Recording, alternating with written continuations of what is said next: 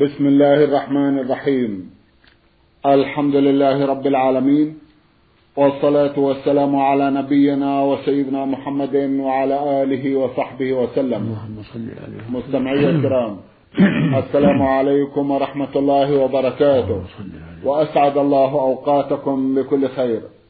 هذه حلقة جديدة مع رسائلكم في برنامج نور على الدرب. رسائلكم في هذه الحلقة نعرضها على سماحة الشيخ عبد العزيز ابن عبد الله بن باز الرئيس العام لإدارات البحوث العلمية والإفتاء والدعوة والإرشاد. مع مطلع هذه الحلقة نرحب بسماحة الشيخ ونشكر له تفضله بإجابة الإخوة المستمعين فأهلا وسهلا بالشيخ عبد العزيز. حياكم الله وبارك حياكم الله. هذه رسالة بعث بها أحد الإخوة المستمعين يقول خولة جمعة أحمد. من العراق. له سؤال طويل كتبه في صفحتين. ملخص هذا السؤال أنه حلف أكثر من مرة على موضوع معين ثم لم يوف بذلك الحلف وحينئذ يسأل سماحتكم ماذا عليه؟ هل عليه الصيام؟ أم هناك كفارة أخرى؟ جزاكم الله خيرا. بسم الله الرحمن الرحيم. الحمد لله وصلى الله وسلم على رسول الله. وعلى آله وأصحابه ومن اهتدى بهداه. أما بعد فاليمين المكررة على موضوع واحد ليس فيها إلا كفارة واحدة ولو كثرت. فإذا قال والله لا أكلم فلانا والله لا أكلم فلانا والله لا أكلم فلانا والله لا أكلم فلانا ولو مئة مرة نعم. فليس فيها إلا كفارة واحدة. الحمد لله.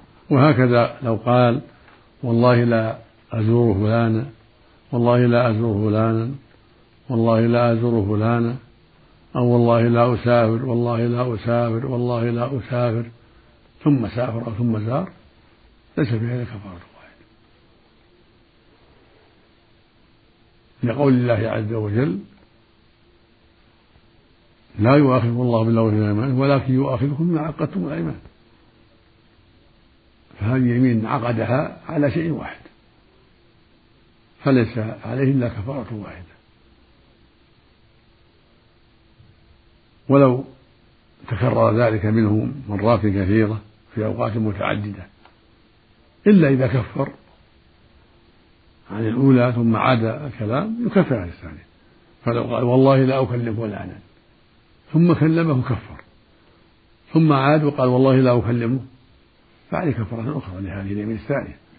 لأن كرر اليمين بعد الكفارة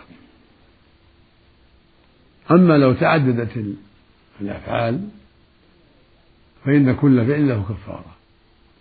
فإذا قال والله لا أكلم فلانا والله لا آكل طعام فلان. والله لا أسافر. فإنه تلزمه كفارة لكل يمين إذا حنث. لأنها أيمان متعددة على أفعال متعددة. فكل يمين له كفارة. والمشروع للمؤمن أن يحفظ يمينه. لأن الله سبحانه يقول واحفظوا أيمانكم. فالمؤمن يشرع له عدم الإكثار من الأيمان والحرص على تقليل الأيمان. لأن إكثارها فيه استخفاف. ولأن إكثارها وسيلة إلى ترك الكفارة. فالمشروع للمؤمن والمؤمنة العناية بقلة الأيمان. وأن لا يحلف إلا عند الحاجة. والمصلحة. نعم. جزاكم الله خيرا وأحسن إليكم رسالة بعث بها مستمع رمز إلى اسمه بالحروف فصاد عين يقول أنا مغترب عن بلدي منذ أكثر من أربع سنوات وزوجتي وأطفالي تركتهم عند أهلي فهل علي إثم في ذلك؟ هذا في التفصيل كانت الضرورة دعت إلى هذا السفر والغربة لطلب الرزق. وأنت محتاج إلى ذلك فلا عليك ليس عليك شيء. ولكن ينبغي لك أن تجتهد في جلبهم إليك ونقلهم إليك إذا تيسر ذلك. فإن لم يتيسر فينبغي لك أن تختصر الغربة ترجع إليهم في كل ستة أشهر أو في أقل من ذلك حسب الطاقة من أجل تفقد أحوالهم نعم. ومن أجل أيضا قضاء الوطر من الزوجة. نعم. فهذا فيه خير كثير. لك وللزوجة جميعا ولجميع العائلة. فالوصية ألا تطول الغربة؟ الوصية أن تجتهد في تقصير الغربة. إلا إذا جلبتهم معك وتيسر ذلك فهذا أكمل وأحسن. نعم. جزاكم الله خيرا وأحسن إليكم. يقول إنني أسكن مع مجموعة من الناس وعند أذان الفجر أنبههم بحلول وقت الصلاة فلا يقوموا لأدائها فماذا علي في ذلك؟ جزاكم الله خيرا. أعين. إنني أسكن مع مجموعة من الناس وعند أذان الفجر أنبههم بحلول وقت الصلاة فلا يقوموا لأدائها فماذا علي في ذلك؟ الواجب عليك نصيحتهم وتحذيرهم من هذه المعصية. فإن استجابوا وإلا فاتركهم واهجرهم واترك النوم معهم. لأن ترك الصلاة في الجماعة معصية وتركها في الوقت أعظم وأكبر. فالواجب عليك نصيحتهم والإنكار عليهم فإن استجابوا وقاموا لصلاة الفجر في وقتها وإلا فعليك أن تهجرهم وتغادر المكان وألا تكون صاحبا لهم ولا مجالسا لهم لئلا يجروك إلى شرهم. نسأل الله العافية والسلامة. اللهم آمين. جزاكم الله خيرا. هل يشترط سمك معين للمسح على الجوربين؟ ليس ليس لهذا شرط ليس لهذا حد محدود. ولكن المطلوب الستر إذا سترت القدم لا يرى لون القدم هل هو أبيض أو أحمر أو أسود؟ إذا كان الجورب ساترا للقدم كفى. نعم. جزاكم الله خيرا. هل تشترط الطهارة عند المسح على العمامة أو الربطة بالنسبة للمرأة؟ وكيفية المسح عليها؟ جزاكم الله خيرا. العمامة كالخفين لا بد من الطهارة. إذا لبس العمامة المحنكة على طهارة مسح عليه يوم وليلة. وهكذا المرأة إذا أدارت الخمار على رأسها وشق عليها نزعه تمسح يوم وليلة إذا كان على طهارة كالخفين سواء. أما إذا كان لا يشق كالإمامة العادية الغطرة هذه ما عليها مسح لأن خلعها لا يشق لا, لا يكلف. نعم. كذلك الخمار العادي. أما إذا كان الإمامة تحنك على الرأس تربط على الرأس ففي حلها بعض المشقة فيمسح عليها يوم وليلة إذا لبسها على طهارة. وهكذا إذا كانت تدير الخمار على رأسها تربطه على رأسها تمسح عليه يوم وليلة. إذا كان لبسها على طهارة إذا لبس الخمار على طهارة. نعم. ماذا عن الربطة؟ لو تكرمتم سماحة الشيخ بالنسبة إلى المرأة ما أعرف الربطة ما هي الربطة مثل التحجيبة تماما وقد سئلتم عنها فأجبتم جزاكم ما هي الربطة التحجيبة أو الربطة لفافة تربطها المرأة على رأسها حتى لا يرى من شعرها شيء وأكثر ما يستخدم هذا لدى الطبيبات المسلمات والممرضات المسلمات. إذا كانت تديرها على رأسها نعم. تحنكها على رأسها تديرها على رأسها تربطها على رأسها هي جنس الإسلام من جنس الخبار. الحكم واحد. إذا كان على طهارة نعم. جزاكم الله خيرا. نعم. إذا لها أن تمسح عليها إذا لبستها يوم على طهارة. يوما وليلة بارك الله نعم. فيكم. قال رسول الله صلى الله عليه وسلم عن ناقة لعنت دعوها فإنها ملعونة. هل هذه قاعدة عامة؟ استنبط منها العلماء أن الدابة إذا لعنت فالمشروع تركها وعدم ركوبها في ذلك الجيش في ذلك المكان. ولكن لا تخرج عن ملك صاحبها بل هي تحت ملكه ويتصرف بها بالبيع وغيره. ولكن لا تصحب الرفقة. إن الرسول قال لا تصحبنا لا ناقة ملعونة يعني يخرجها من الرفقة ويتصرف بها بعد ذلك ببيعها نحرها أو استعمالها في وقت آخر. المقصود تلك الرفقة التي دعينا فيها الدابة تخرج منها لا تصحبه هذا هو المشروع. جزاكم الله خيرا وأحسن إليكم. من المستمع إدريس علي عامل في أبها رسالة وضمنها جمعا من الأسئلة.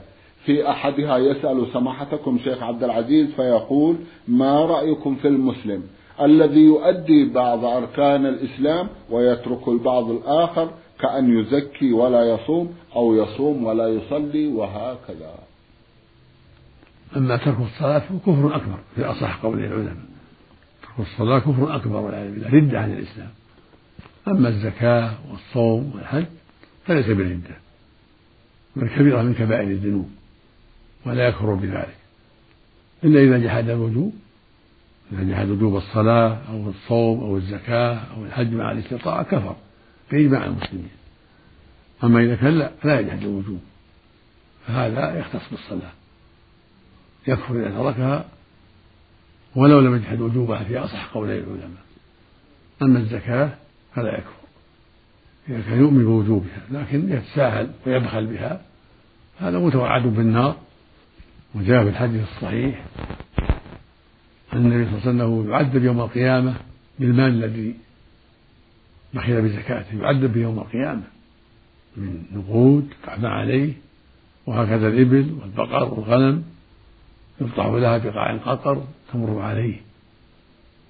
تطأه الإبل بأخفافها وتعضه بأفواهها وتطأه البقر والغنم بأظلافها تنطحه بقرونها كل ما مرت عليه أخراها عادت عليه أولاها نسأل الله العافية. في يوم كان مقداره خمسين ألف سنة. ثم يرى سبيله إما إلى الجنة وإما إلى النار. فقول صلى الله عليه وسلم ثم يرى سبيله إما إلى الجنة وإما إلى النار يدل على عدم الكفر. يدل على قد يدخل الجنة وأن قد يعفى عنه يدخل الجنة. فدل على أنه ليس بكافر إذا كان تركها بخلا لا جحدا للوجوب. نعم. وهكذا صوم رمضان. إذا ترك الصوم تساهلا ولم يجحد وجوبه وهكذا الحج. أما من جحد وجوب الزكاة أو جحد وجوب الصيام يعني صيام رمضان أو جحد وجوب الحج مع الاستطاعة هذا يكفر لأنه مكذب لله ولرسوله نسأل الله العافية. فهذا يكفر عند الجميع لأنه بجحده الوجوب قد كذب الله ورسوله. نسأل الله العافية. نعم. جزاكم الله خيرا وأحسن إليكم. يقول إذا كنت راع للغنم فهل تسقط عني صلاة الجمعة؟ إذا كنت بعيد عن البلد لا تسمع الأذان بعيدا صلي ظهرا. أما إذا كنت تسمع النداء قريب البلد فعليك أن تصلي الجمعة. نعم. جزاكم الله خيرا وأحسن إليكم. أريد أن أتزوج. فما هو رأي سماحتكم في الشروط التي اشترطها في المخطوبة؟ ما هي؟ وجهوني جزاكم الله خيرا. عليك بذات الدين عليك المرأة الصالحة المعروفة بالأخلاق الطيبة بالصلاة والعفاف وطيب الخلق طيب الكلام وحسن الصورة أيضا لقوله صلى الله عليه وسلم تنكح المرأة لأربع لمالها ولجمالها ولحسبها ولدينها. فاظفر بذات الدين تربت يداك فأوصى بذات الدين. فلا نوصيك بما أوصى به النبي صلى الله عليه وسلم ذات الدين. نوصيك بالمرأة المعروفة بالاستقامة بالصلاة في وقتها بالعفة عن ما حرم الله بطيب اللسان وطيب الكلام. بالأخلاق الكريمة وحسن الخلق إذا تيسر مع هذا الجمال والنسب الحسن والمال هذا خير إلا خير.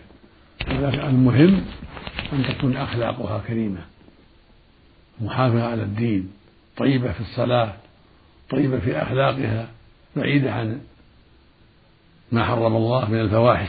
نعم. جزاكم الله خيرا وأحسن إليكم من اليمن رسالة بعث بها المستمع إبراهيم عبده أحمد عياش. يسأل عن قراءة الفاتحة على الأموات في المقابر. جزاكم الله خيرا. هذا شيء لا أصل له. لا يكثر على القراءة القبور. لا الفاتحة ولا غيرها. القراءة على القبور بدعة. أو القراءة عندها كذلك. السنة زيارتها للسلام عليهم والدعاء لهم. لقوله صلى الله عليه وسلم زوروا القبور فإنها تذكركم الآخرة.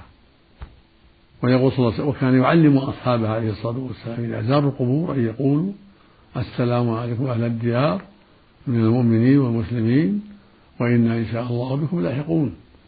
نسأل الله لنا ولكم العافية. يرحم الله المستقدمين منا والمستأخرين. يغفر الله لنا ولكم. هكذا السنة. يدعو لهم يستغفر لهم يسلم عليهم. أما أن يقرأ فهذا لا أصل له. لا يشرع القراءة للموتى ولا القراءة عند القبور. ولم يفعله المصطفى صلى الله عليه وسلم ولا أصحابه رضي الله عنهم. نعم. جزاكم الله خيرا. يسأل سماحتكم عن صلاة الكسوف كم عدد ركعاتها؟ صلاة الكسوف سنة مؤكدة إذا كسفت الشمس أو القمر شرع المسلمين يصلوا صلاة الكسوف وقد بينها النبي صلى الله عليه وسلم بفعله وبقوله عليه الصلاة والسلام. فالسنة فيها أن تصلى ركعتان. بقراءتين وركوعين وسجدتين. هذا هو السنة التي فعلها النبي صلى الله عليه وسلم. اللهم صل عليه فيكبر ويقرأ قراءة طويلة بعد الاستفتاح ثم يركع ويطيل ثم يرفع ويقرأ الفاتحة ويقرأ بعدها ما تيسر ويطيل لكن دون القراءة الأولى. ثم يركع ويطيل لكن دون الركوع الأول. ثم يرفع ويطيل لكن دون الرفع الأول. ثم يسجد سجدتين طويلتين. ثم يقوم فيقرأ. ويطيل لكن دون القراءة السابقة. ثم يركع فيطيل لكن دون الركوع السابق. ثم يرفع ويقرأ. الفاتحة وما تيسر معه ويطيل لكن دون ما قبله. ثم يركع ويطيل لكن دون ما قبله. ثم يرفع بعد الركوع الثاني ويطيل بعض الإطالة دون ما قبله ثم يسجد سجدتين طويلتين. ثم يقرأ التشهد تحيات وصلاة النبي صلى الله عليه وسلم والدعاء ثم يسلم. ثم يذكر الناس ويخطب الناس ويبين لهم شرعية صلاة الكسوف ويذكرهم بالله ويأمرهم بإكثار من التكبير عند رؤية الكسوف والصدقة وعتق الرقاب. والصلاة لقوله صلى الله عليه وسلم إذا رأيتم ذلك فصلوا وادعوا. فافزعوا إلى ذكر الله ودعائه واستغفاره. وأمر بالتكبير والعتق عند الكسوف عليه الصلاة والسلام.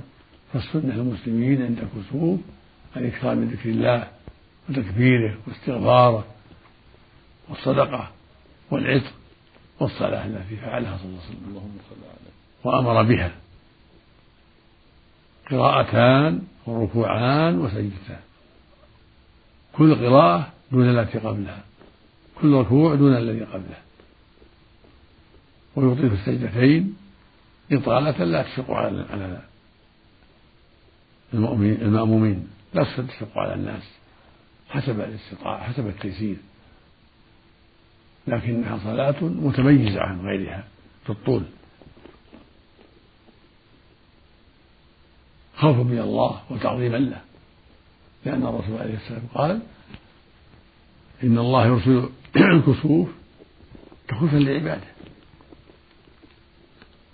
وقال إن الشمس والقمر لا تكسفان لموت أحد ولا لحياته ولكن الله يرسلهما وخوف فيهما عباده.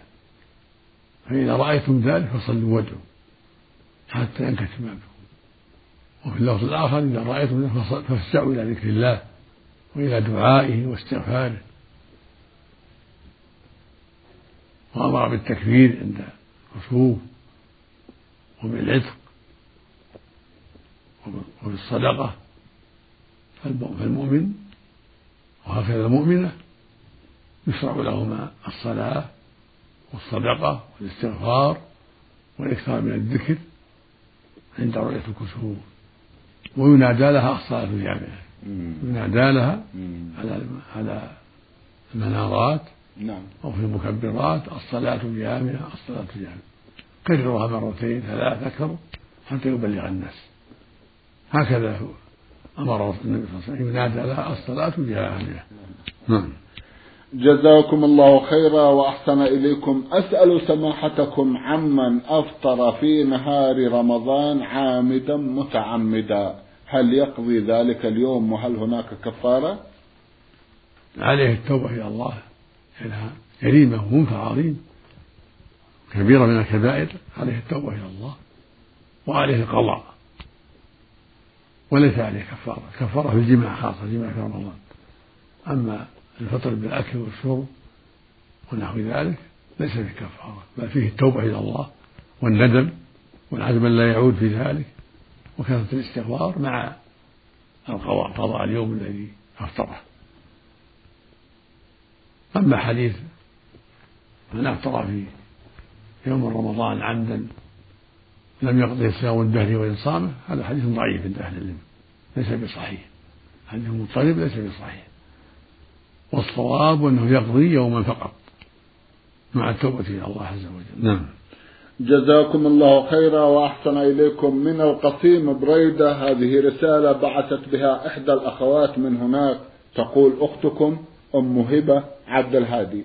أختنا عرضنا لها سؤال في حلقات مضت من هذا البرنامج وفي هذه الحلقة تسأل سماحتكم فتقول لي جارة تقوم بالاختلاط برجال ولا ترتدي الحجاب الشرعي الذي أمر الله تعالى به وهي دائما تغتاب الناس. وقد قمت بنصحها ودعوتها إلى الطريق الصحيح ولكنها لم تستجب حتى الآن فماذا علي؟ جزاكم الله خيرا. وهل أقاطعها؟ عليك أن تنصحيها كثيرا وتخوفها من الله عز وجل فإن اختلاطها بالرجال على وجه يثير الفتنة هذا لا يجوز. وهكذا عدم ارتدائها الحجاب فالواجب عليها الحذر من هذا الأمر. عليها التستر والحجاب والبعد عن الاختلاط الضار. أما اختلاط لا يضر كالبيع في السوق في محل النساء أو تشتري حاجة من السوق أو تبيع حاجة في السوق مع التحفظ ومع الحجاب ومع التستر. هذا لا بأس به. تشتري حاجتها أو تبيع شيئا في السوق وإذا كان للنساء سوق خاص باعت فيه واشترت بعدا عن خطر الخلطة بالرجال أما الغيبة فشرها عظيم الغيبة منكرة وجريمة ومن كبائر الذنوب فالواجب تحذيرها من ذلك. وذكريها بقول الله سبحانه ولا يغتب بعضهم بعضا. وهي ذكرك أخاك ما يكره الغيبة ذكر الإنسان ما يكره من رجل أو امرأة. أنه بخيل أنه بذيء اللسان أنه يأكل الحرام يعني يذكر بشيء يكرهه. نعم. هذا هو هذه الغيبة. فالواجب نصيحتها والإكثار عليها في ذلك وتخفيفها من الله عز وجل لعلها تهتدي. ويكون لك مثل أجرها. فإن أصرت فمشروع أن تقاطعيها وتهجريها إذا أصرت ولم تقبل فمشروع لك هجرها. والبعد عنها لأنها قد تجرك إلى عملها الخبيث وعملها السيء. وهجر من أظهر المعصية ولم يقبل النصيحة. مشروع. نعم. جزاكم الله خيرا وأحسن إليكم من الأخوين إبراهيم عوض الله محمد قرشي وتركي عبد الله العنزي رسالة يسألان فيها سماحتكم عمن تجاوز الميقات ولم يحرم إلا من جدة ويقسمان في رسالتهما سماحة الشيخ أنهما لم يكونا يعلمان مكان الإحرام الصحيح. جزاكم الله خيرا. إذا تجاوز الإنسان الميقات وأحرم من دونه إلى مكة فعليه دم يذبح في مكة للفقراء. ولو كان جاهلا أو ناسيا. لكن لا إثم عليه. إذا كان جاهلا أو الناس لا إثم عليه ولكن عليه الدم. كقول ابن عباس رضي الله عنهما من ترك نسكا أو نسيه فليهرق دمه وهذا له حكم الرفع لأن لا يقال من جهة الرأي. وقوله نسيه يدل على أن الجهل من باب أولى لأن الناس ليس باختياره. والجهل يمكن التعلم والسؤال. فإذا كان الناس يفدي فالجاهل من باب أولى. والواجب على المؤمن السؤال والتفقه في الدين والتعلم يسأل عن أحكام العمرة. ما يفعل فيها ما يقول فيها أحكام الحج كذلك يسأل عنها. ما يسكت. المسلم يسأل وهكذا المسلمة الله يقول فاسألوا أهل الذكر إن كنتم لا تعلمون. فالمقصود أن الواجب على المؤمن والمؤمنة السؤال عن كل ما يتعلق بالدين والتفقه في ذلك الحج العمرة الصلاة الزكاة الصيام في كل شؤون الدين. الواجب على الجاهل يتعلم يتفقه ويسأل نعم. جزاكم الله خيرا وأحسن إليكم. يسألان سماحتكم عن أكل الكبد أو بعض أجزاء اللحم دون طبخ. هل هو جائز أو لا؟ لا أعلم فيها بأسا الحمد لله. لكن الطبخ أحسن. الطبخ أحسن وأنفع وأسلم من الضرر. وإلا فلا أعلم شيئا إذا أكل شيئا مما أباح الله من الكبد أو غيرها. نيئا. لا أعلم به حرجا نعم. جزاكم الله خيرا. أيضا يسألان عن نفخ البهيمة بعد ذبحها من من أجل السلخ. هل هذا جائز أو لا؟ نعم نعم. إذا دعت إليه الحاجة لا بأس. جزاكم الله إذا دعت إليه الحاجة لا بأس. نعم. يسألان أيضا عن الدم المسفوح. ما هو؟ هو الدم الذي يصب من البهيمة عند الذبح. الدم الذي يصب من البهيمة من حلقها عند الذبح يقال له مسفوح. وهو نجس ومحرم وهكذا الدماء تصب منها عند إصابتها بحادث. إذا أصابها حادث فسال الدم منها هذا مسفوح. هو المراق المسفوح المراق نعم. بخلاف الشيء يبقى في العروق أو في اللحوم هذا يعفى عنه. مستمعة يمنية مقيمة في المملكة تقول أختكم في الإسلام لطيفة محمد أحمد. الأخت لطيفة تقول سمعنا في هذا البرنامج أن لحم الجزور ينقض الوضوء فهل علينا إعادة الوضوء كاملا؟ وهل مرق الجزور ينقض الوضوء أيضا؟ وهل إذا صلى الشخص بدون وضوء فهل صلاة هذا الشخص صحيحة أم يعتبر على طريقة غير صحيحة؟ أي بعد أكل لحم الجزور جزاكم الله خيرا. لحم الإبل ينقض الوضوء وهو لحم الجزور. لأن النبي صلى الله عليه وسلم أمر بالوضوء من لحم الإبل وتوضأوا من لحوم الإبل. ولحومها الهبر أما الكرش والنصلان هذه ليست داخلة في والشحم كذلك.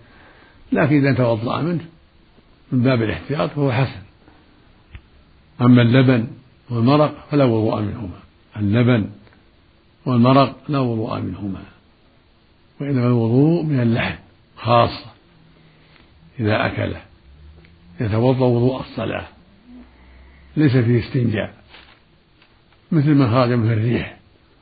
يعني يتمضمض ويستنشق يغسل وجهه. وذراعيه ويمسح رأسه وأذنيه رجليه ليس فيه استنجاء. الاستنجاء يكون من البول والغائط. أما خروج الريح والنوم لحم الإبل هذا مس الفرج هذا ليس فيه إلا الوضوء التمسح. يعني غسل الأطراف الأربع غسل الوجه واليدين مع المرفقين والسرات مع الأذنين والصيدان مع الكعبين. في مس في مس الفرد في أكل لحم الإبل في النوم في خروج الريح. هذه ليس فيها إلا الوضوء فقط الذي ليس فيه استنجاء. نعم. جزاكم الله خيرا وأحسن إليكم سماحة الشيخ في ختام هذا اللقاء. أتوجه لكم بالشكر الجزيل بعد شكر الله سبحانه وتعالى. على تفضلكم بإجابة الإخوة المستمعين. وآمل أن يتجدد اللقاء وأنتم على خير. نسأل الله العافية. مستمعي الكرام كان لقاؤنا في هذه الحلقة مع سماحة الشيخ عبد العزيز ابن عبد الله بن باز الرئيس العام لإدارات البحوث العلمية والإفتاء والدعوة والإرشاد. شكرا لسماحة الشيخ. وأنتم يا مستمعي الكرام شكرا لحسن متابعتكم. وإلى الملتقى. وسلام الله عليكم ورحمته وبركاته.